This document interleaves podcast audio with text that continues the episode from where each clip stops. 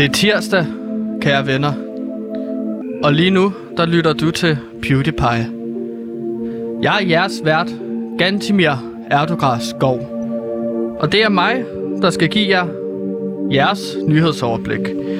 Og lige nu, hvis du kigger på nyhederne på TV2, TV2 Zulu, TV2 Charlie, TV2 News, TV2 Fri,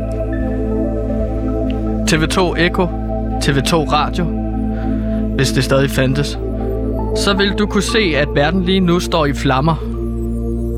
Du vil kunne se, at Afghanistan, det brænder jo. Der er krig. De kan ikke finde ud af det dernede. Kan I tage jer sammen, Afghanistan? Lige nu, der er en orkan, der stadig haver i USA, tror jeg. Jeg er ikke helt sikker. Men må ikke... Måske skulle jeg have læst op på det, inden jeg kom herind. Men jeg ved bare, at det er en ting, som ikke gør mit mentale overskud bedre. Jeg er paranoid ud og bange, fordi at det eneste, jeg synes, jeg læser om øh, på nyhederne, det er, hvor forfærdeligt det går hele verden. Og derfor har jeg jo så besluttet, at på PewDiePie, der skal vi forsøge os med det, der hedder konstruktiv journalistik. Konstruktiv journalistik er simpelthen, hvor vi simpelthen ikke bare vil fortælle om verdens problemer, men også prøve at komme med nogle løsninger på den. Det tager jeg på mig, det ansvar. Vores vigtigste opgave som journalist er at løse krigen i Afghanistan. Og vi arbejder på det, kære venner. Vi forsøger. Og i dag så har vi svaret. Men for tiden, der mangler jeg min faste medvært Sebastian, og ham har jeg ikke kunne finde i, nu er det fem uger. Okay. Så derfor står jeg jo alene. Men helt alene, det gør jeg så faktisk ikke. Fordi at øh, i dag, der har jeg simpelthen besøg af Bert på programmet øh, Gameboys. Fra programmet... Ja, det, undskyld, der kom jeg til at læse det igen. Bert, Daniel, velkommen! Gameboys! Du, ho- du hoster lidt i dag, min ven. Hvordan kan det være? Ja, det er som trykket ribben, det bliver ikke bedre med tiden. Hvad hedder det nu? Øh, Det skal jo lige siges ja. måske, at øh, du er jo en øh, kørestolsbruger. Fordi Okay. at, øh, udover at være vært, så er du også kørestolsbruger. det, det, ganske mere, det, det er et lydmedie, det jeg spiller lige med igen. Det er et lydmedie, er, der er ikke nogen grund til at forklare, hvordan jeg ser ud. Skal du også forklare, at jeg har fuldskæg og grønne underbukser på? Altså, hvad er det, hvorfor er det så vigtigt, at jeg sidder i kørestol? Det det fede ved dig er jo netop, at radio ikke er visuelt. Så derfor vil du jo bare kunne sidde her, uden at øh, det ligesom blev gjort opmærksom på, at du var kørestolsbruger. Men der går jeg lige ind og kommer til at sige, at du er kørestolsbruger. Men er der det kan noget, jeg du- se nogle brede øjne altså, for dig. Ja, ja, fordi at jeg føler, at det er hver eneste gang, at du in- introducerer mig til det her program her, så er det enten, åh, sikke nogle flotte fælge, du har fået, eller hold kæft, en komfortabel pude. Altså, kan, kan vi ikke lige, altså... det, det er nogle flotte fælge, du ja, har men fået. det, ja, jeg må jo gøre det Er bedste det af det, jeg har. Microsoft, der øh, ligesom så, altså, givet dig nogle fælger der? Kan det er jo kæmpe kan vi- stor Microsoft-logo. Ganske, jeg vil, gerne have, vi, jeg vil gerne have, at vi bevæger os videre, fordi øh, for, sidste gang, øh, der, der blev, det blev udelukkende kun omkring min kørestol, kørestol. Og det var, jeg vil faktisk våge at påstå, at jeg, jeg er blevet stoppet på gaden op til flere gange, hvor at, der er folk, der har sagt, hold kæft mand, det er egentlig rigtigt, det Gansimir, han siger. Der er faktisk nogle flotte fælger der på. Og jeg er bare faktisk en lille smule irriteret over det, fordi jeg vil faktisk bare gerne leve mit liv ganske stille og roligt, spille nogle videospil og have det sjovt med det. Om det er jeg ked af, vi skal starte på den her måde. Jeg giver dig lige et tryk på skulderen, Gør du fordi det var- at jeg holder af dig. det er faktisk meget rart. Ja, fordi at vi har... Vi har jo nogle nyheder, vi skal igennem, Daniel. Ja. Og det skal du jo hjælpe mig med, fordi Sebastian er her jo ikke. Øhm, Nej, gud skal takke lov. Og vi kan jo starte med en første nyhed af en slags, ikke? For en af de helt store derude i verden. Sidste dag i transfervinduet, altså i fodbold. Og derudover, så øh, er der sket lidt af en transfer i journalistikkens verden. Jeg prøvede at lave en overgang ja, her fra det, sport det, til... det, godt se, du, du prøver. Yes. Hvad, hvor, hvor skal vi hen? Jamen, vi skal her hen til Loud. Vi skal vende, vi skal kigge på navlen. Vi skal snakke om mere om Loud, fordi at lige nu er der... Vi vælger at kigge væk fra verden og ind på, hvad der sker på Loud. Fordi at det fylder meget i min verden. Jeg tænker, der er også Daniel. Loud fylder der også en del i din verden, ikke? Jo, det, det, ja, i hvert fald det fylder da nok til, at jeg kommer her en gang om ugen, ikke? Sådan lige til at lave det, jeg skal lave, og så tager jeg hjem igen. Men Ja. altså, ja. Jo, ja, men, og du der. har jo heller ikke mulighed så meget for at komme rundt i, omkring i verden Nej. med bogstaveligt talt med... Øh, ja, men nu skal vi heller ikke være Nej, for meget nu ved skal vi din hoppe over kørestol. den der, fordi det, nu synes jeg, det er... Ja, videre. Ja, fordi at her på, her på Loud er en af vores mange øh, direktører, Anne Lykke, simpelthen blevet, ja, jeg ved ikke, øh, øh, fyret. Eller hun er sagt op. Ja. Hun er simpelthen stoppet vores radiodirektør, der skrev radio, øh, altså ansøgningen til, at Radio Loud blev en ting. Det var hende, og der er ene og alene, der har væltet 24-7 Ja, ja. og givet os et job, Daniel. ja Os det, to. Ja. Det kom ud af ingenting. Nej, Hvordan det- fik du det at vide? Jeg fik, jeg fik det ganske stille og roligt at vide. Øh, hun kom hjem til mig og var ganske, ganske positiv dig? Ja, ja, selvfølgelig var hun, ja, ja, selvfølgelig var hun det. Øh, Okay. Men øh, og sammen med, hvad hedder det nu, øh, Lars Schmidt og, øh, hvad hedder det nu, øh, også øh, Kim. Og, og, Også selvom Lars Schmidt ikke var ansat. nej, men det, det har jo været i snak i lang tid. Men det, prøv at høre Gud, her. nogle forbindelser, du har. Ja, nej, nej, men de kommer jo hjem til mig på min, på min hus, øh, hjemstavn, og så pludselig så, så øh, rækker de mig en konvolut, som er øh, så, sådan signeret af dem alle sammen, og har sådan noget... Ved noget voks- direktørerne, undskyld, Ja, ledelsen, vokssejl, okay. ja, lige præcis. Og så er der vokssejl mm. på, og så er der sådan en lille, lille dollartegn på, øh, hvad hedder det nu, øh, på, på øh, vokssejlet der. Og jeg har det stadig, jeg ved ikke, hvad der står i, i brevet, men øh, jeg gik ud fra, at... Har du øh, ikke åbnet brevet? Nej, men jeg gik ud fra, at det var nok, det, det var nok noget positivt, så jeg mødte op, øh, og så har jeg ellers bare begyndt at tale om gaming indtil, øh, siden. Så, ja. Okay. Ja. Har, øh, det kunne være, at vi skulle åbne brevet faktisk, og så Det er se, meget hvad der muligt. står. Ja. Og men har du det med herude på Loud? Jeg har det altid på mig. Og men har det du det ligger på ikke, dig? ja, ikke i de her bukser. Ikke i de her bukser. Okay. Ja. Jeg kan se, at du har det liggende der. Nej, men de, jeg skal Øhm. ikke. Ja, så, så, hvad hedder det nu? Okay, så fair nok, men så, altså jeg har ikke læst det her. Jeg har ikke Nej, læst du har jo ikke engang åbnet det. Det er spændende. Yes. Det er et øh, brev Ja. fra øh, ledelsen, Ja. før at øh, Anne hun stoppede. Altså, den gik i luften. Jeg også. gik ud fra, at det var en ansættelse, men jeg bryder sejlet nu så. Jeg bryder sejlet. Sådan der. Og så... Ja. Spændende. Okay, så hold nu kæft. Kan, kan du give det til mig? Jeg tænker, Ja. at du ikke kan Hold læse det. kæft, en håndskrift. Ja, jeg kan ikke læse det her. Så kan du, jeg går ud fra, at du er lidt mere til runer. Ja, det er sjovt, at der står... Det, det, det er faktisk her så skrevet lidt med runer. Skrevet lidt med øh, forskellige tegn. Jamen, det, er- det er også... Der står bare med stor fed, Hvor- Hvad fanden? bogstaver. Der står, let's get loud. Røvhul. Hvad fanden? Ja, okay, så er, det, så, er det så, så er det så godt som det. Okay, fair enough. Ved du hvad, jeg... Altså, Ja. jeg, jeg vil sige, et eller andet sted havde jeg faktisk forventet en lille smule flere detaljer, men jeg vil sige, et eller andet sted, så, så er det den samme besked, som jeg egentlig troede, der ville være der i, så det er okay. Det er jeg, har, nok. jeg har jo lidt svært ved, at øh, nu snakker vi jo om Anne øh, Lykke, Ja. ja. radiodirektør, og hvem hun var som person. Ja. Men tidligere skulle vi måske sige nu. Jeg har lidt svært ved at se, hvorfor at Anne Lykke skulle komme hjem til dig, før at Radio Loud var en ting, og så give dig det her brev, let's get loud. Det gik der stærkt ud fra, at hun tog ud til alle øh, skattepligtige borgere i hele Danmark og sagde, hør her, nu skal I bare høre her. Vi har et fedt initiativ, vi skal op og køre. så det kan være, Gør det er derfor, det? hun ikke kom hjem til mig. Nej, Fair jeg har betalt en rød rej. Hold da kæft, mand. Det, var nok, det er ikke så godt, Gantimir. Det, det er lidt ked at høre, faktisk.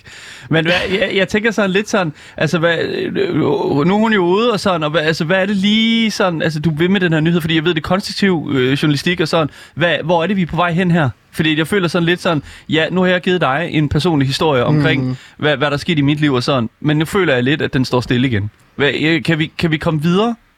Ja, men det er også for ligesom at gøre opmærksom på, at vi har fået en ny radiodirektør, Simon Andersen. Han er en flot fyr. Som, har, ligesom, som er løsningen måske på Lavs problemer. Ja. Uh, han kommer en masse, øh, går jeg ud fra, højorienterede borgerlige, borgerlige uh, idealer, som jeg jo ser meget frem til at arbejde med herude på Loud. Ja. Uh, og han har jo lidt af en udfordring allerede fra starten af, fordi at, altså, lige nu er der kaos på gangene. Efter at Lykke er stoppet, ikke? Ja, altså, jeg, jeg kan knap nok komme rundt øh, på gangene, fordi de er så fyldte. Nej, det kunne du heller ikke før, men nu er det endnu sværere. Okay, goddammit. Okay, ja. Nå, nej, undskyld, men det er bare for at tage lytteren i hånden. Okay, ikke? ja. At der er Ah. ikke kørestol er venligt. Der, der er ikke nogen ramper herude, for eksempel. Ja, okay. Så det er derfor, vi heller ikke kan invitere gæster ind med kørestol. Ups, det måtte jeg nok ikke sige. Oh my god, okay, anyways. Ja. men folk er jo begyndt at stjæle ting, og det er også underligt, fordi at jeg kan lugte, at der er sådan ild. Det, det, det, er ligesom om, at Øh, folk ikke rigtig ved, hvad der skal ske. Sådan, altså sådan, det, det er som om, at folk ikke rigtig... Altså, vi, jeg har kørt her rundt herude, og jeg føler vidderligt bare, at jeg er fanget i en rundkørsel. Fordi at jeg vidderligt bare bliver ved med at køre rundt altså på gangene sådan. Og, og mm. pludselig, jeg ser nogen, der render med, med vores udstyr ned fra Gameboy-studiet. Jeg ser nogle andre, der kommer rendende ind og, og giver os øh, tre PlayStation 5'ere. Jamen, jeg har også bare set, at der er dukket møbler op, hvor der ikke var møbler før. Ja. Så det virker som om, at folk er bange for at miste deres job, og så begynder at stjæle og lute herude. Ja. Øhm, Det, det, det er vidderligt fra et, øh, som en scene ud af et videospil. Eller et eller andet. Altså, det er som, det er som en se- Hvad scene... for et videospil? Det er jo derfor, vi har dig med. Sådan. Last of Us eller sådan noget. Du ah, ved, sådan, det her ved, postapokalyptiske øh, zombiespil, ikke? I, jo, what, yes, lige præcis. Der går. Og det, Der var jeg med. Ja, der var du. Og jeg vil også lige sige, at øh, det, jeg, det der er forskellen, det er, at zombierne her, øh, i den her instans her, dem, dem, dem, altså jeg har ikke set dem endnu, men jeg er ret sikker på, Altså, jeg er ret sikker på, at jeg har øh, set nogen i hvert fald gå og, og halte en lille smule. Og det ved jeg ikke, hvad det betyder. Om det er bare et normalt, sådan, hvad kan man sige, halten, øh, som har været herude øh, i hele perioden, eller om det er bare noget, der er begyndt at komme. Det ved jeg ikke. Ja, men det er måske også fordi, at du kigger ret meget efter, hvordan folk går, så du lægger mærke til nogle, nogle ting i hvert fald. Men det var bare for ligesom at fortælle om, hvad er det, der sker herude på Loud, og I kan vente jer, måske kommer det til at gå bedre med den nye radiodirektør Simon Andersen. Anne Lykke er her i hvert fald ikke længere. Og der skulle jeg have sat en øh, slags, det man kalder for breaker på. Og Ja. det er, de er jo lidt ligesom røget. En breaker er jo ligesom det, der adskiller to forskellige antal minutter. Vi kan bruge mit ribben, fordi det er i hvert fald knækket som ind i helvede. Jeg, jeg, jeg ved, det, det, det er, hvad det er, men Men altså... kan, kan man spille xylofon på den? Ja, Har du set sådan en gammel Disney-film? Der kan man altid tage skeletter, og så kan man spille xylofon på den. Øj, Jeg har aldrig har jeg prøvet at sådan spille lige- musik på et øh, lig. okay. Det, jeg, det, det, jeg, jeg tror heller ikke, at det er noget, jeg vil anbefale, øh, Gansimir, for at være helt ærlig. Men det er, det er hvad det er. Det Ja. er, hvad det er. Men det er også fordi, at vi skal jo reklamere for nogle af de andre spændende podcasts, der kan findes på Radio Loud Ja. og kommende Radio Loud. Hvad er det næste her? Hvad er det? Jamen, Hvad er øh, det for noget? det ved jeg ikke. Jeg trykker er bare det? på en knap Du trykker her, og på så en sker knap, der et eller Så andet. sker der noget. Okay. Vi har en nyhed lige på den anden side af reklamen Ej, for den nye Radio Loud podcast. Glæder dig til Radio Louds nye podcast, som dykker ned i forliste danske forhold. BMX-kærester er podcasten, hvor to ekskærester tager en resttur på BMX for at finde ud af, hvad der egentlig gik galt. Øh, hvorfor var det egentlig, du forlod? Pas på grenen! Au! BMX-kærester, eksklusivt på Radio Loud.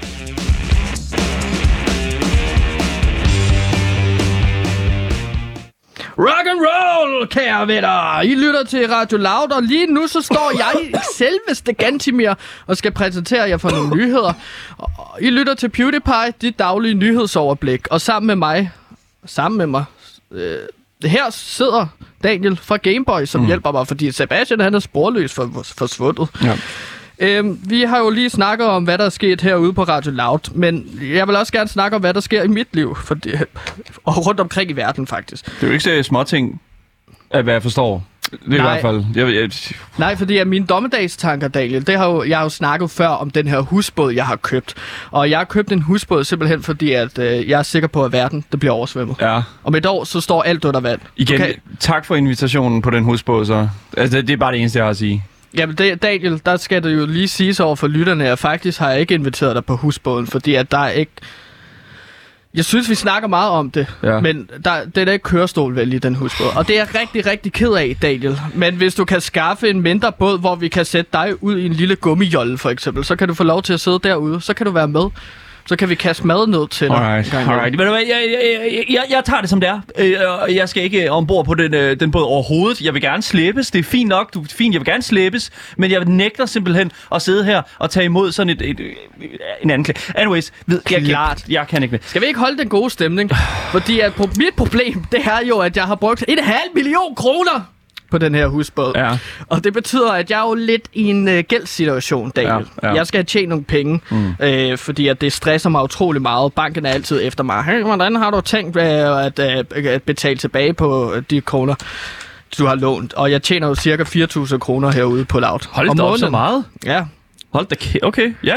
Fair enough. I får, I får mindre end 4.000 kroner om måneden på Gameboys. Ja, det er ironisk nok får vi meloner, men det er hvad det er. Det, det jeg ikke. Hvor i melon? Ja, ja, anyways, det, jeg skal ikke øh, for meget ind i, hvad der, hvad der står i min kontrakt, og hvad der står i din kontrakt. Det er, hvad Nå, det, men der nok står. om det, mere Ja. om mig, fordi jeg skal have tjent nogle penge, Daniel, og der har jeg hørt, fordi jeg laver lidt research, og der har jeg lavet research omkring, hvordan jeg kan tjene penge, mm. og øh, forholdsvis let og forholdsvis hurtigt.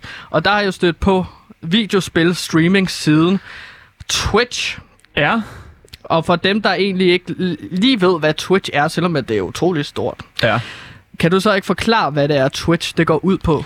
Jo, Twitch er på mange måder bare det samme, som vi kender det fra live-tv. Så du går ind på twitch.tv, skråstreg, øh, lavttv underscore, bare lige for så I ved det. Øh, Allerede der er det jo ikke tv. Nej, det er det jo ikke, men det er jo, hvad kan man sige, det er jo, Oh. en, øh, det er jo en live udsendelse af enten nogen, der sidder og spiller et spil, eller nogen, der sidder og laver noget musik, eller laver et eller andet, bare sidder og snakker med folk, der sidder i live-chatten, og så ellers bare, øh, hvad hedder det nu, øh, sender alt, hvad de siger, øh, ud til verden, og så får de nogle abonnementer, og, og der er nogen, der Ja. betaler dem nogle penge og sådan lidt. for Okay, det. fordi uh, der kommer det jo ind. Det der med, at uh, de skyder penge ind, uh, det er jo det, jeg gerne vil tjene Ja. her. Og der kom jeg til at tænke på, fordi min plan, det var netop at starte sådan en Twitch-kanal. Ja, Fordi man kan tjene penge på det. Men helt præcis, hvordan tjener man penge på det? Hvordan, Øh. sådan, der må være forskellige måder. Altså det, ja, lige præcis. For det første, det, det, dem der tjener penge på det, har øh, virkelig, virkelig arbejdet på at tjene penge på det i lang, lang, lang tid. Så det er ikke sikkert, Men det er ikke alt for lang tid, vel? Ja, øh. Jorden går under om et år. Du vil godt kunne klare det på et år, mm. men så er der nogle ting, som du er nødt til at runde, før det kan lade sig gøre ganske mere. Og det Ja. er altså, igen, jeg, åh, jeg har det så skidt med at sige det på den måde, men du skal simpelthen, øh, okay, et, du skal vise noget hud. Du skal, du skal, Okay, Du- der bliver jeg jo meget Ja. fascineret. Jeg skal vise hud, hvordan og hvor meget. altså, den der lækre svættervest, du har på der, den skal, den skal af. Den skal af. Den skal af. Jeg tager den af nu. Yes, du tager den af. Hold kæft, mand, den er stor. Jo, den er, den er, Det er alt for fordi, jeg stor. Den er alt for stor til dig, Gantimir. Så okay, Så, nu er den af. den er helt af, og, og, det, og det der er med det, det er, så ikke for langt af nemlig. Jeg tager For, også undertrøjen af, ja, så, lige præcis, tag undertrøjen af. Ikke for langt man kan af. høre. Ja, ikke for langt af, fordi du må ikke vise dine nipples. Du må ikke vise dine nipples på, på, øh, på, på, på, på Twitch. Det er meget vigtigt. Fordi Jeg må ikke vise nipples, Nej, hvis... altså når jeg livestreamer når du til livestreamer, publikum. yes, lige præcis. Okay. Og, øh, heller ikke på arbejdspladsen her, tror jeg faktisk. Men det er, hvad Men det er. kan, jeg sætte noget tape på, så? Ja, To det er krydser? lige præcis. Krydser Okay. okay. eller noget i den stil. Men igen, det må heller ikke være over, overhængende øh, seksuelt øh, sådan indhold.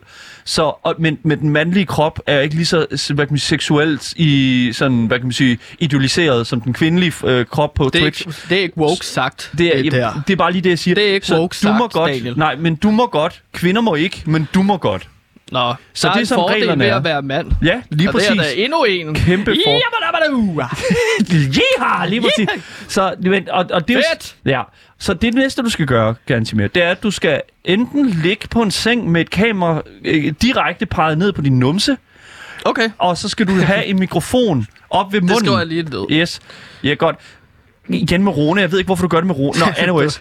Men det der er med det, det er, at du skal, øh, kameraet skal pege direkte ned på din numse, og så mens at det, du sidder og taler med din, din chat, så skal du ligge og slikke en mikrofon, sådan med tungen sådan, sådan ind i ørerne. Er det det, og det kan godt være, at det er forkert. Er det det, der hedder ASMR? Ja, lige præcis, lige præcis. Jeg ved ikke, hvad det står for, men det er det der Det med, at du tror kommer jeg, at det er helt... sådan en ting, ingen ved, hvad står for, Ja, lige men det har man bare accepteret, den Ja. ting. Lidt ligesom øh, ja, overborgmester. Hvad er det helt, helt bestemt, det betyder? Ingen rigtig ved det, Der er ikke det nogen, der ved titel, det. der det er man bruger. en, der bruger kreditkortet på kommunens vegne. Skal vi ikke sige det på den måde? Jo. Så det der er med det, det er, du skal... Ligesom på laut. Ligesom, Dago. Rock'n'roll. Rock'n'roll. Så, hvad hedder det nu? Det der er med det, det er, at du skal sidde enten på den her seng her, eller Ja, du skal fylde en børnepool, enten den fra Bilka eller fra Føtex. De, øh, det er de to modeller, der er blevet bevist til, til at være bedst i test. Og så, hvad hedder det nu? okay, Daniel, det lyder som om, at du har nogle meget specifikke referencerammer her. jeg giver dig 100% af de, de midler, som det kræves at øh, øh, få succes min her. manager så, I- an, I på en lige- måde. Jeg, ja, lige præcis. Jeg tager ingen procenter. Fordi at øh, det er Ah. meget vant til. Sådan er det. det øh, Som til min Twitch-kanal, der skal jeg finde en børnepool. Og så Yes. skal jeg fylde den med... Fyld den med en øh, vand, en, ja, eller en vandlignende substans. Det, du, du må sådan set, det kan være alt. Det kan mellem øh, altså acetone eller øh, lageredike. Det, du, altså, det er, hvad end du mener er det bedste Okay. at fylde. Det, øh, du kan også gøre det med vand. Det vigtigste er, at jeg ikke viser mine brystvorter. Men, lige præcis. Det Hvad vigtigste... med min penis?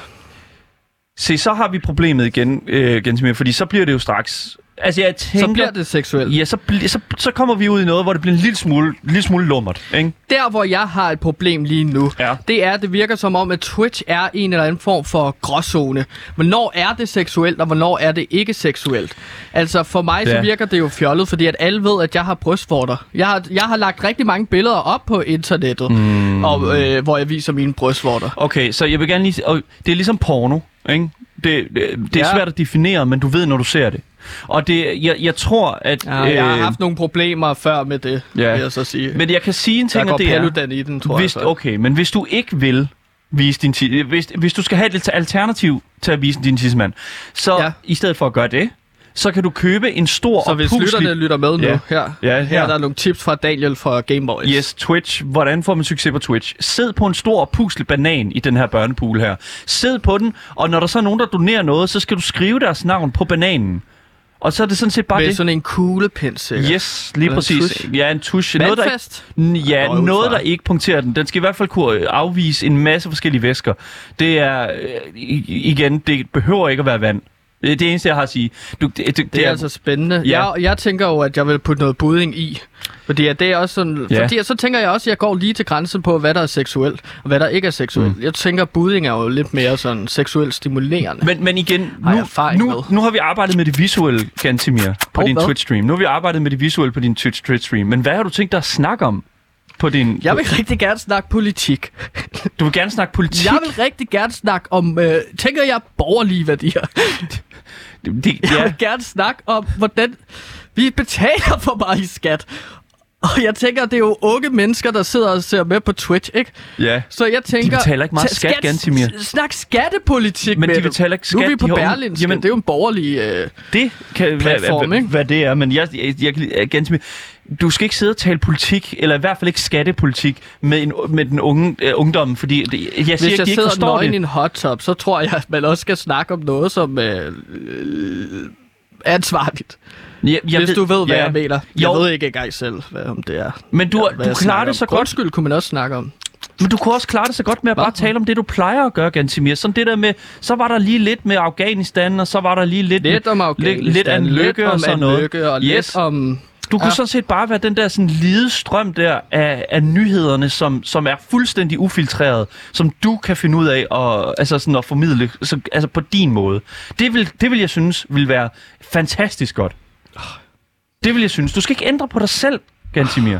Bare fordi, at der Jeg er nogen... elsker dig. Ja, jeg, jeg kan også godt lide dig, Gantimir. Også selvom at du al- altid pointerer, at jeg sidder i kørestol, uden at reelt set at have, grund til det. Men jeg Hvis øh, vi lige skal opsummere, så har vi altså øh, opskriften på en succesfuld Twitch-kanal, som jeg skal ud med for at tjene nogle penge. Ja. Jeg skal finde en børnepool, så skal jeg fylde den med budding, og så skal jeg ligesom snakke om øh, det, jeg synes er fedt. Afghanistan for eksempel, og noget bor- borgerlige værdier, tænker jeg. Ja. Så skaber jeg mit eget, helt eget frirum for alle de unge, sultne, på, øh, politisk interesserede.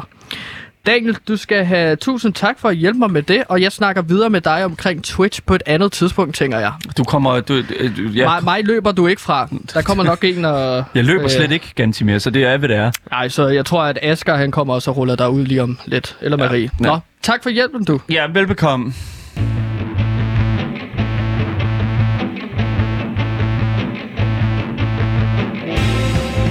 Nu kommer din yndlings-tv-podcast. Det sidste ord. The Podcast. Et panel på tre kendte danskere gennemgår med Pelle Lundberg deres yndlingsmomenter i Ben Fabricius Bjerre-afsnittet. Og samtidig snakker de om, hvem de håber næste afsnit kommer til at handle om. Hør det eksklusivt på Radio Loud.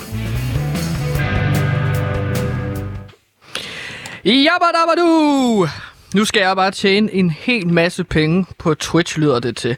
Så let kan det gøres, når man har en så god ven som Daniel fra Gameboys i ryggen, der ved lidt og hvert om at være et seksuelt menneske på en streaming-platform. Vi skal videre med programmet, og jeg har snakket om det at være en journalist, som skal forberede et program før her på Radio Loud. Og det her program er jo et nyhedsprogram. Og det kan være svært at være konstant på arbejde, fordi at det var en af de ting, jeg også fik at vide, da jeg startede på Journalisthøjskolen. Ja, præcis, så var jeg pedel. Men der var engang en, der fortalte mig om det at være journalist ikke er et arbejde, men en livsstil, kære venner. Okay? Og en dag som i dag, hvor vores direktør bliver fyret, der kunne jeg godt tænke mig at kunne lære, hvad nu, hvis jeg bliver fyret? Mister jeg så ikke også bare mit arbejde, men også mit livsgrundlag? Jeg identificerer mig med at være journalist. Jeg tager det at være journalist med mig hjem, når jeg har fri fra arbejdet, hvilket ikke er særlig ofte. Men som sagt, det kan jo være svært at skille arbejde og fritid af, og der er så den her kultur i branchen. Og den her kultur i branchen kunne jeg godt øh, tænke, øh, tænke at snakke mere om med min rigtig gode ven og gavet journalist, Peter Pascal, som er tidligere udlandskorrespondent og fotograf og freelancer for Billedbladet. Og han er i dag indehaver af sit eget selvstændige medie, Newsbreak Kings. Ham satte jeg mig ned sammen med på det, der hedder Togabar, Der er journalisternes åndehul. Deres oase, hvor man kan drikke en øl og snakke om det at være journalist, øh, som ligger i hjertet af København. Togabar altså. Og sammen havde vi så en samtale om journalist som livsstil, samt det at have andre interesser og projekter uden for sit arbejde. Og så fik vi også snakket om, hvad er det, Peter Pascal selv gør for at holde sig mentalt rask og frisk. Så det, du skal høre nu, det har vi optaget. Og det er et, et uddrag af indslaget Samtaler om journalistik med Peter Pascal. Rigtig god fornøjelse. Jamen, så tager jeg jo endnu en snak med min øh, bedste ven og superjournalist Peter Pascal, som øh, du har hjulpet mig rigtig meget med lidt af hvert omkring, hvor, hvad for nogle fælder man skal passe på, når man ligesom indgår i medieverdenen. Ja. Og det er jeg super glad for. Og der siger jeg bare skål. Vi sidder på Toga Bar, og som du hørte, øh, har jeg har jeg taget øh, dåseøl med herind. Og det må man egentlig ikke. Men øh, jeg tænkte, at nu vil jeg ikke betale for de flasker længere. Nu har vi også siddet her i en lang tid, synes jeg. Jeg har allerede drukket rigeligt. Føler jeg to flasker, ikke? Nå, men vi skal jo øh, fortsætte vores snak, Peter Pascal. Og jeg, øh, jeg kunne godt tænke mig at høre lidt mere omkring, øh, fordi der er nogen, der fortæller mig, at det at være journalist, det er en livsstil. Mm. Det at være journalist, det er noget, du skal lægge så meget energi og tid ind i, at det er svært at have en ordentlig fritid. Ja. Er du enig i det statement, at journalistik er en livsstil? Altså for de fleste journalister, når de først går i gang, øh, har haft deres arbejdsdag, de står op klokken 5, og så møder de klokken 6, tjekker nyhederne, øh, skriver nyhederne. Øh, Er det Og noget, I gjorde på Billedbladet? ja, det gør man jo. læste nyhederne, og så skrev dem ned? Ja, det, og fordi, dem det er jo det, eget så kører der jo forskellige, øh, så kører der jo forskellige monitorer, øh, som man så holder øje med. Så kunne det for eksempel være Al Jazeera, det kunne også være CNN eller andre, som man så Det er sidder og meget øje med. udlandske medier, som I holder øje med. Jamen, det er ja. sådan er det, fordi at de fleste øh, danske nyheder er sådan rimelig strømlignende. Det er den samme kilde næsten altid, som, Nå, som de man bruger måske også bare monitor fra CNN og Al Jazeera. Var det rigtigt? Ja, det kunne sagtens være det, men det er også de nyheder, som vi får i Danmark, der har vi ligesom sådan en, en, øh, en kanal. Det handler ikke så meget om, hvem der kommer først. Det handler meget om sådan, at, at jo, det er det også, men, vi, men de bliver ligesom sendt fra, fra samme sted af. Ja. Altså for det meste, så kommer de første kilder, så bliver det sendt ud, og så, så på en eller anden måde, så bliver det opsnappet af de forskellige medier med det samme. Altså sådan, der er ligesom sådan en hotline, hvor man siger, sådan her, Ja, nu sker der noget. okay. Og så kan man så- Lidt som uh, Ritzau, som jo er ja. det her... Uh, Ja, medie tror jeg, man vil kalde det. Ja. Ja. Men hvor med alle aviser bare, hvis de føler sig ja. Ja. lidt dogne, så skriver de... Øh, Kilde Ritzau, ja. Ritzau skriver et eller andet Ja, pis, for lige eksempel. præcis. Og det kunne, det, kunne være, det kunne være en af kilderne, ikke? Ikke? Ritzau. Ja, Ritzau. Ah. Ritzau er jo, sådan, er jo også ud, udenlandsk kilde, ikke? Altså, den kommer over... Den, Er den Ritzau en person? Nej, altså ikke som en, en, en hvad hedder det, en, øh, et menneskelig kilde. Altså, det, Er det en person, der sidder og bare skriver af verdens nyheder, som alle så bare Nej. skriver af ja, efter? altså i sin tid, så var det tjene jo lidt han, mere, ja, så. i sin tid, så var det Johannes Ritzau, som grundlagde det. Øhm, som jo så er dansker, ikke? men som så har øh, Ritzau's bureau forskellige steder rundt omkring i verden. Ja. Der er et i Dubai, der er et i, øh, hvad hedder det, det er jo så øh, også i Emiraterne, og så er der sådan i Saudi-Arabien også. Øh, og så, så sådan rundt omkring også i Mellemøsten. Og i der er- Burma også, ikke? Ja, nej, Nej. Ikke, Burma, nej. nej. Okay, og det, fordi det hedder jo heller ikke, forkert, nej, men, og det hedder jo heller ikke Burma mere, og det hedder jo... øh, Det hedder, Burma? Eller Burma, det hedder jo ikke Burma mere. Hvad hedder det så? Jamen, er det ikke det, der hedder... Øh, hvad pokker det hedder? hvad? Nej, Det ved Ritzau. ja, det ved Ritzau, det er en god point, det er. Ja, det er sgu hyggeligt at være igen med dig. Jeg elsker dig, vi vel. Hvor var det, jeg kom til? Det var Ja. slet ikke det, vi skulle snakke Nej. om. Men det er jo altså... Der kan man så bruge Ritzau som en uh, kilde til, ligesom hvis man føler sig lidt dårlig. Men Ja. det, jeg vil gerne vil spørge dig om, Peter, det var jo det her med at adskille det at være journalist fra sin fritid. At journalist er en livsstil. Ja. Det er noget, man ikke Ja, kan og slippe. det var det, jeg prøvede også at sådan forklare, men så kom jeg jo på... Ja. Det- Du, øh, du, du kommer hjem så om aftenen. Du kommer måske hjem klokken 9 om aftenen. Øh, og journalister, de arbejder Okay, hele tiden. er set, ja. Det er, men det er, det er fuldtid for to meste, og, og de fleste arbejder Femte timer om øh, ugen. sagtens. timer om ja, dagen. men så derefter, så er du sådan, fordi at din hjerne kører på et helt andet blus end Mm. almindelige mennesker. Ja, Også fordi den tid, som du nu ikke har brugt på din familie, som du ikke har brugt på dine fritidsinteresser, det er der, den skal udleves nu. Så det er derfor, at for at hovedet og hovedet kan følge med, mm. kroppen også, Ja. så skal der være en anden form for afslappende aktivitet, som skal på en eller anden måde have, en kre- øh, have et kreativt aspekt. ja. Ja. Fordi du har faktisk, nu hvor jeg husker det, du har jo sagt til mig, at det er vigtigt at have andre interesser Ja. og outlets, Ja. så det ikke bare er at sidde og skrive nyheder Ja. af fra Ritzau eller nogle af de andre internationale sider. Lige præcis. Øhm, for eksempel, jeg kan komme med et eksempel lige nu, Mads Brygger, Mm. Altså kæmpe journalist, ikke? Mm. Øhm, Radio 24 Ja. Nu har han et andet medie, Ja. som det går rigtig, rigtig godt for. Ja. Nyhedsbrevet. Ja. Øh, eller frihedsbrevet. Nå, det er også lige meget. Jeg tror, det er nyhedsbrevet. Ja. Nyhedsbrevet. Ja. Ja. Udover at være superjournalist, så har, er han jo også filmmaker. Ja, men, men det er jo også det, der er sjovt, fordi det er jo også, det han laver, det er jo også dokumentar. Så udover at han er journalist, så er han også journalist. Han har jo også lavet fiktionsfilm, ikke? Han har lavet den film med øh, Kina og øh, Sankt Bernhardshundene med Rasmus Broen og Frederik Silius. Den, det siger mig ikke noget.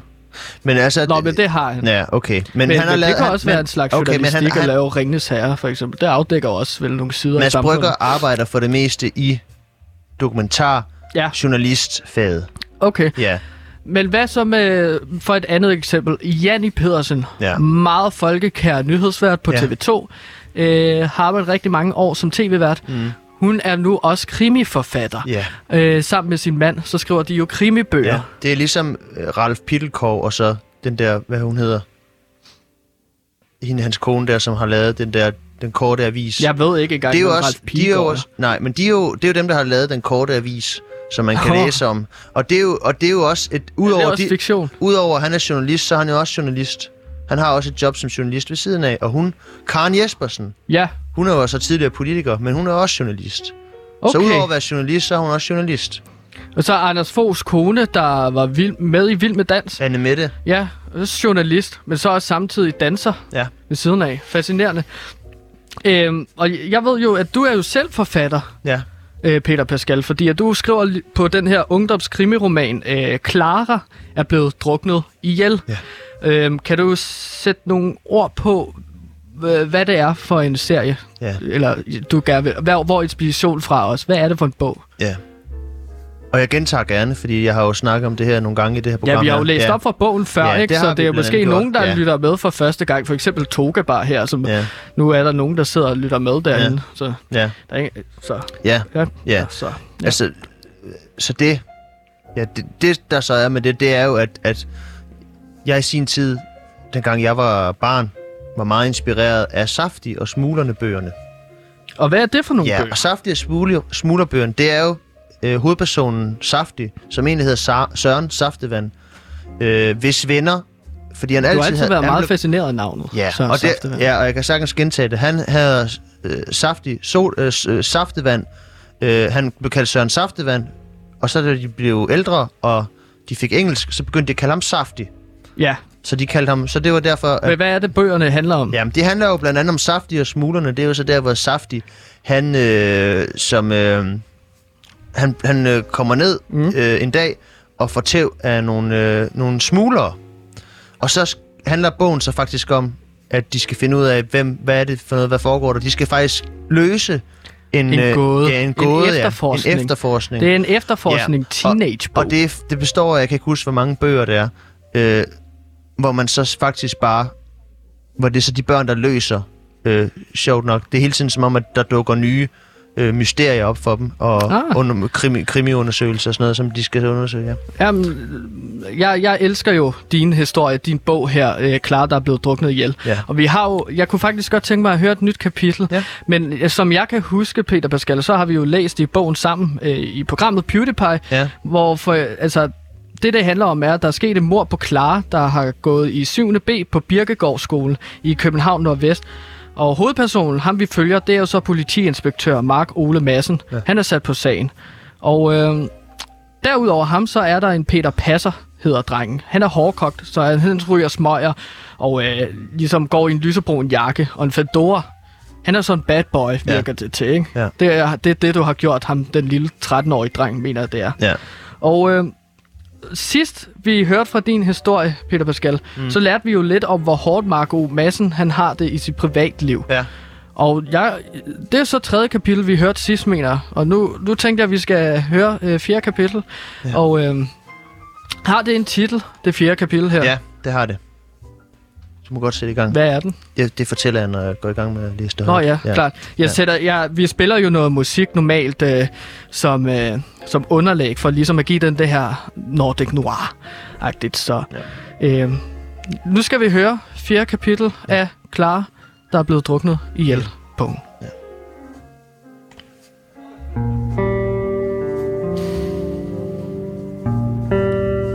Kapitel 4 Bussemænd I alle kropsåbninger finder man slimhinder. Det bliver også kaldt kroppens indvendige hud. De forskellige kropsåbninger, som har slimhinder, om det er anus, skede, urinrør eller næse,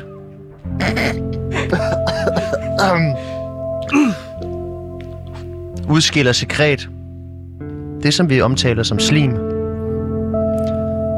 Når slimet tørrer, får det form som små skorper.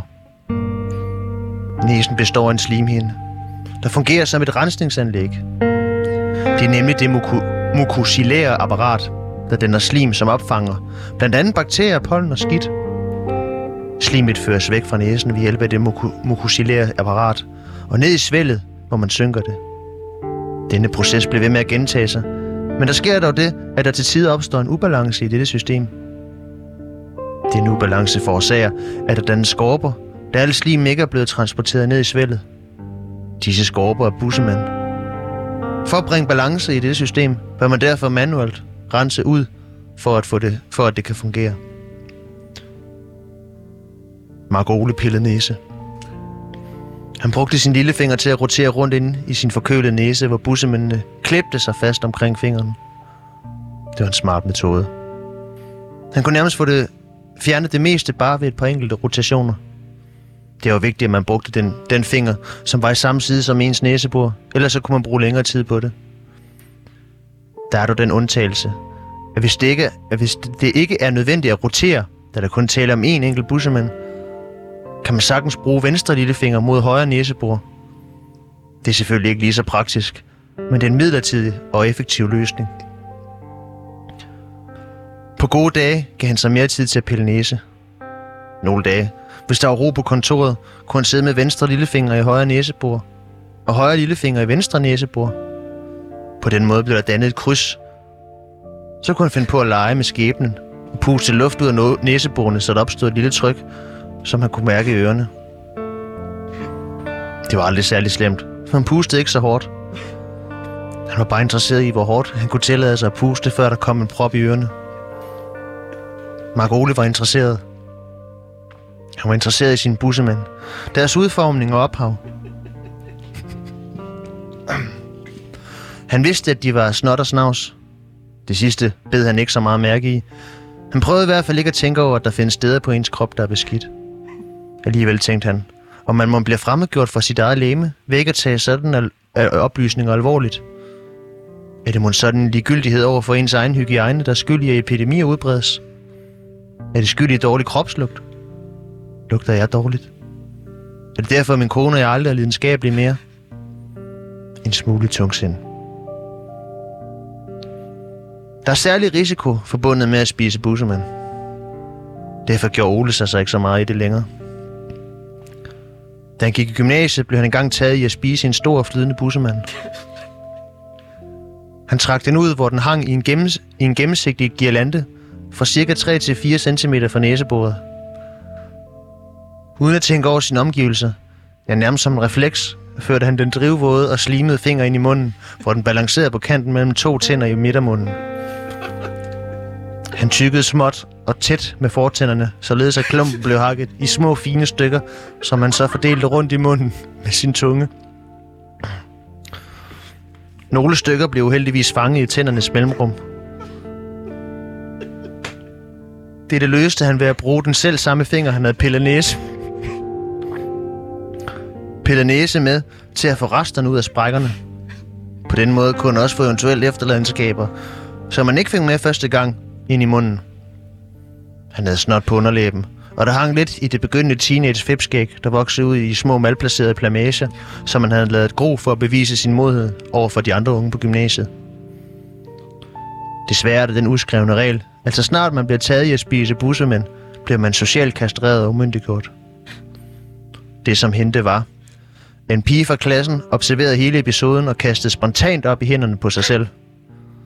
Hun kiggede flovt på Mark Ole, som om det var hende, der havde forbrudt sig mod normen. Der var stille i klassen. Læreren sluttede timen og bad pigen om at gå ud for at finde noget til at gøre rent med. Margot følte sig forpligtet til at hjælpe, men valgte i stedet at gå sin, gå sin vej ud i friheden. Senere blev han konfronteret med pigens udsagn om, at hun kastede op på baggrund af Marx's næsepilleri. I stedet for at bekende sig til sandheden, valgte Mark at lyve og forsøgte at give skylden til pigen selv. Han sagde, at hun, nok, at hun højst sandsynligt nok var gravid. Hun havde jo knippet Thijs fra 3. B, så en beskidt møgskede skulle fandme ikke komme her og tro, at hun kan skyde skylden på ham. Desværre var der andre, der før havde oplevet Mark spise bussemænd. Og det var desuden også højst usandsynligt, at denne pige, som var meget vældig på grund af hendes engagement i humanistiske græsrådsbevægelser og højagt, ja, højagtelse i gymnasiearkivet, skulle lyve. I stedet fik Mark kaldenavnet Busseren, som forfulgte ham et godt stykke op i 20'erne. Noget, som han blandt andet har arbejdet med hos den psykolog, der var tilknyttet hans afdeling i teori og herværk ved Københavns politi. Okay øh. det, der lærte vi jo lidt om Mark Ole Masse øh, og hans barndom. Ja. Og øh, hvordan han ligesom øh, piller næse, piller bussemænd og øh, spiser det. Ja. Og øh, det var dejlige fem minutter. Ja. Øhm, det, det, Og det er jo- og det er jo, øh, Før man dykker så meget ned i en karakter. at man hører lige sådan fem minutter om, hvad man var Ja. ja. interesseret i som barn. ja. Og, og for nogle mennesker... Hvorfor? Hvor? Jo, undskyld. Ja. for nogle mennesker, det her det er jo også et, et, et, øh, et, et følsomt emne. Altså det der med sådan, at Man... Pelle Bussemænd. Ja, fordi det er jo noget, der sådan... Man kan jo mærke på den her karakter her, det er jo noget, der har forfulgt ham i hele hans opvækst. Og, at- og fordi man ser ned på folk, der både piller og spiser deres bussemænd. Fordi at det er sådan en... Han ikke bare lade være med det? Men der er jo nogle mennesker, som... Altså, hvorfor skal vi dømme andre mennesker på baggrund af deres... Altså, at, at de spiser bussemænd? Ja, det er det, jeg nej, aldrig har rigtig har forstået. det... Nu, nu spørger jeg bare. Ja. Spiser du din egen bussemænd, Peter? Nej, det gør jeg ikke. Okay. Nej, men, Men jeg, jeg- kan jeg godt, føler men jeg, også, jeg, når kan godt sætte siger- mig ind i, Ja, hvad det vil sige. Ja som er, så at spise sin egen bussemænd. Ja. Okay. Og, også, og det der med sådan, at man på et tidspunkt oplever i gymnasietiden, at blive øh, kastet udenfor, fordi man, man, man forbryder sig mod en norm, en, en uskreven regel. eget bussemand. Ja, Og så blive smidt ud, ja. ja, det kunne blandt andet være det. Det kunne Men, også være noget andet. Ja, jeg kan godt sådan lidt forstå dig, når du bruger bussemænd som sådan et tabubelagt ting. At sådan, skal vi virkelig smide væk, folk væk fra øh, vores øh, fællesskab, bare Ja. på grund af, at der er nogen, der spiser noget, som andre synes er ulækkert. Ja. Jeg føler jo lidt, at der er også noget spændende øh, kontra der, i forhold til, at han så øh, ligesom giver skylden til hende her pigen, som han kalder for et øh, møg, møgskede. Ja. Fordi at hun har kysset en anden fyr.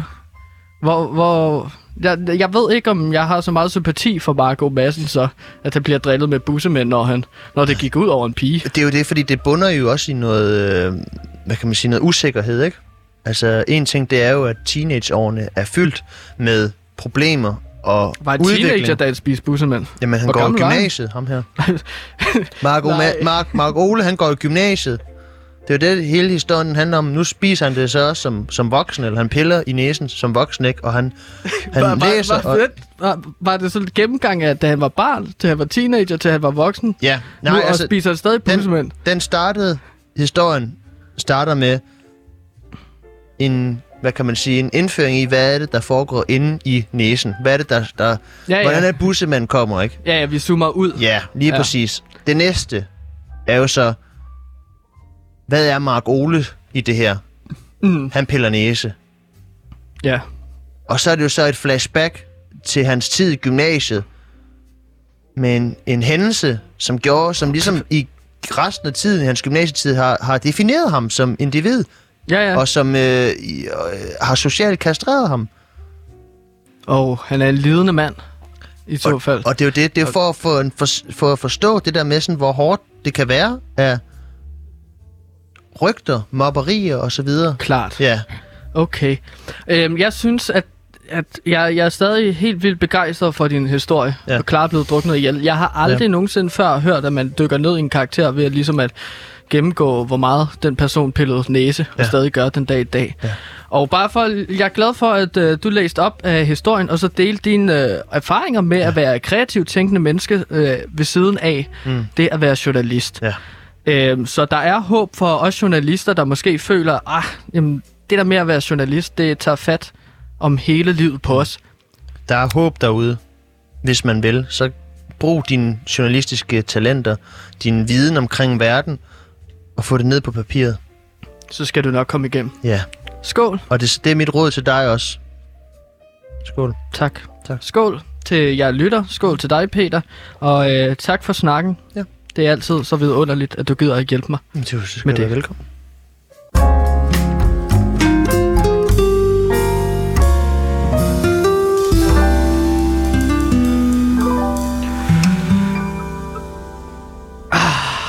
Og så er vi tilbage til nutiden, hvor jeg står i et uh, studie, uh, Radio Loud, live og snakker til jer lige nu, medmindre I selvfølgelig hører det på podcast. Så det er lige meget det, jeg siger nu. Men det, der ikke er lige meget, er jo de geniale råd, som uh, Peter Pascal, jeg rykker lige en stol her, de er blevet rykket ind her i studiet. Det, som uh, Peter Pascal rigtig nok siger, det er jo, at man skal huske at have noget ved siden af ens job, som ellers er kan være meget identitetsskabende. Om det er sport, om det er musik, eller om det er det at pille næse, så skal man altså huske at prøve at være kreativ og være social med nogle andre mennesker, så det ikke bare kun handler om journalistik. Fordi at hvis det går dårligt på jobbet, så går det også dårligt i resten af dit liv. Tro mig, jeg kender flere mennesker, der har fortalt mig det. Især ude på Loud her i dag. Øh, det er jo øh, kom bag på mange. Lige pludselig. Ah, hvad sker der? Ja, Anne Lykke, hvor er hun henne? Hun er væk. Okay. Hvem er det? Det er Simon Andersen. Han er her nu. Okay. Øh, hvad sker der? Det, det går virkelig hurtigt. Og det er jo så noget, man skal være forberedt på, når man er journalist. Forberedt på, at du kan aldrig være forberedt på, hvad der kommer. Eller for at bruge et udtryk, hvad morgendagen bringer. Hmm? Det er et af mine favoritudtryk.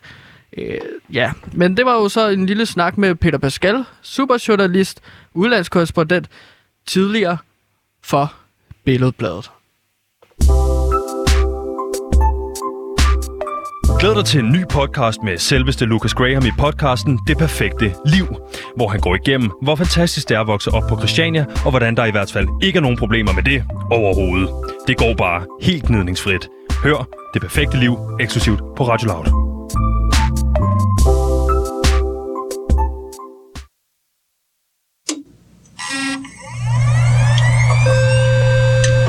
Blip, Moving Blip, up. Leader Tron 3000. blip, blap. Ready. Det, du hører her, det er min robot, som jeg har bygget med mine egne hænder. Lyttertron 3000. Og hvad er Lyttertron så overhovedet? Et er, det er et tegn på, at vi snart er færdige med programmet. Noget andet er, at det er en robot, jeg har bygget, fordi at vi skal leve op til kravet om at snakke med lyttere. Men da vi ikke har nogen lyttere, der ringer ind mellem 1 og 2, eller tager kontakt til os, så er det lidt svært at snakke med dem. Ej, jeg er faktisk ikke rigtig ked af det. Det går nok, fordi jeg har min Lyttertron 3000. Det er en kunstig intelligens, hvor jeg har fundet en masse lytterbeskeder fra DR, fra forskellige steder, og så har jeg puttet den ind i den kunstige intelligens. Hvilket betyder, at jeg kan stille den spørgsmål, og så vil den svare på en måde, som autentiske, levende lyttere vil svare på. Og det, som jeg spørger jeg lytter om, eller Lyttertron 3000, blink, blink, kan I ikke sende nogle dilemmaer ind? Vi vil gerne lege Mass og Monopolet, vi vil gerne lege Sara og Monopolet, eller Mass og A-holdet, eller hvad fuck det hedder. Det vil vi gerne lege, det vil vi gerne hjælpe jer med nogle dilemmaer. Og der får vi simpelthen den første sms ind i programmet, og den har jeg så tænkt mig at læse op nu. Tak, Lyttertron. PewDiePie, jeg har et problem og håber, I kan hjælpe. Det hele startede med, at jeg fik et handjob af kæresten, og hun blev ved, sådan jeg kom ud over det hele. Lige siden er min penis begyndt at lugte meget, sådan er tis, og det er ret træls. Hver gang jeg vasker den, fejler den intet. Men der går lidt tid, så lugter den slemt af urin. Det er ligesom, at urin trækker sig op bag forhuden. Ved ikke helt, hvad det er, eller hvad jeg skal gøre, men vil... Hov, undskyld, vil bare ikke stikke en penis op i fjeset, som stinker så meget på min kæreste. Håber virkelig, I har en idé eller svar. Først og fremmest vil jeg gerne rose dig for at være en meget betænksom kæreste. Det er ikke alle kærester, der tænker på, hvor vil det være behageligt, hvis jeg stak noget stinkende op i ansigtet på hende. For eksempel ved jeg, at øh, jeg har noget familie. En onkel, som godt kunne lide at sætte stinkende ting op i ansigtet på hans kæreste, blandt andet døde dyr. Det kan jeg så sige, det synes folk ikke er særlig rart. Jeg kan så afsløre, at de ikke er sammen den dag i dag. Det er sådan, når man ikke kan det med hinanden.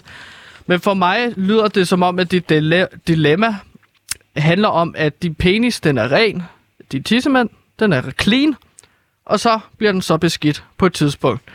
Så måske skal du vaske den lidt oftere, trække forhuden tilbage, sørg for også at vaske øh, ind under forhuden. Det er der alle de farlige bakterier ligger. Og øh, til alle jer små drenge, så kan jeg sige, husk at vaske øh, penisen ordentligt, fordi at ellers så kan man blive nødt til at hugge den af. Det fik jeg at vide af min far, i hvert fald. Og det, det, livs, og det hjemsøger mig den dag i dag, og jeg er konstant bange for, at min tissemand er beskidt, så jeg vasker den flere gange om dagen. Ja, også herude på Loud, hvor jeg går tit på toilettet for at vaske den. Det var lige en øh, lille snak med lytterne. Så nu tror jeg, at jeg slukker Lyttertron. Det har jeg fået bedre lavet for før, at jeg ikke slukker den. Leader Tron 3000. Kan vi sige farvel? Farvel, Lyttertron! En lille, en lille historie, det er jo, at øh, jeg har jo tit haft den bare ladet den stå tændt i flere dage, og så har der lugtet så meget røg, fordi at den, jeg har ikke sørget for, at den ligesom kan køle sig selv ned. Så det er også et lille kig bag øh, maskinerummet, forhænget herude på Loud. Nu kommer årets selvbiografi. For mit land, for evigt, så stolt. Det er en bog på 400 sider om den tidligere Randers Venstrebak Kevin Conboys liv. Hør primært om hans rolle i venskabskamp mod Tyrkiet i 2012, hvor han ikke kom ind på banen, men efter Conboys egen mening var det en kamp, der ændrede hans liv. Hør de vanvittige historier fra omklædningsrummet, som for eksempel dengang han ikke kunne åbne sin taske, eller læser fra dagen, da Daniel Akker ikke kunne finde sin venstre fodboldstøvle. For mit land, for evigt, så stolt af dette års julegavehit. Det er en inspirerende fortælling om de små og store sejre, primært fra et omklædningsrum i Istanbul. Hør om Kevin Conboys største kamp på 400 sider med billeder, der endte med et acceptabelt 1-1 resultat. Yeah! Det så PewDiePie for i dag! Vi vender stærkt tilbage, eller undskyld, jeg vender stærkt tilbage. Undskyld, jeg råber, men det er fordi, at jeg har noget tinnitus nu. Øhm, vi vender jo stærkt tilbage i øh, morgen. Og på øh, søndag, nej, resten af tiden. Så vi snakkes. Farvel!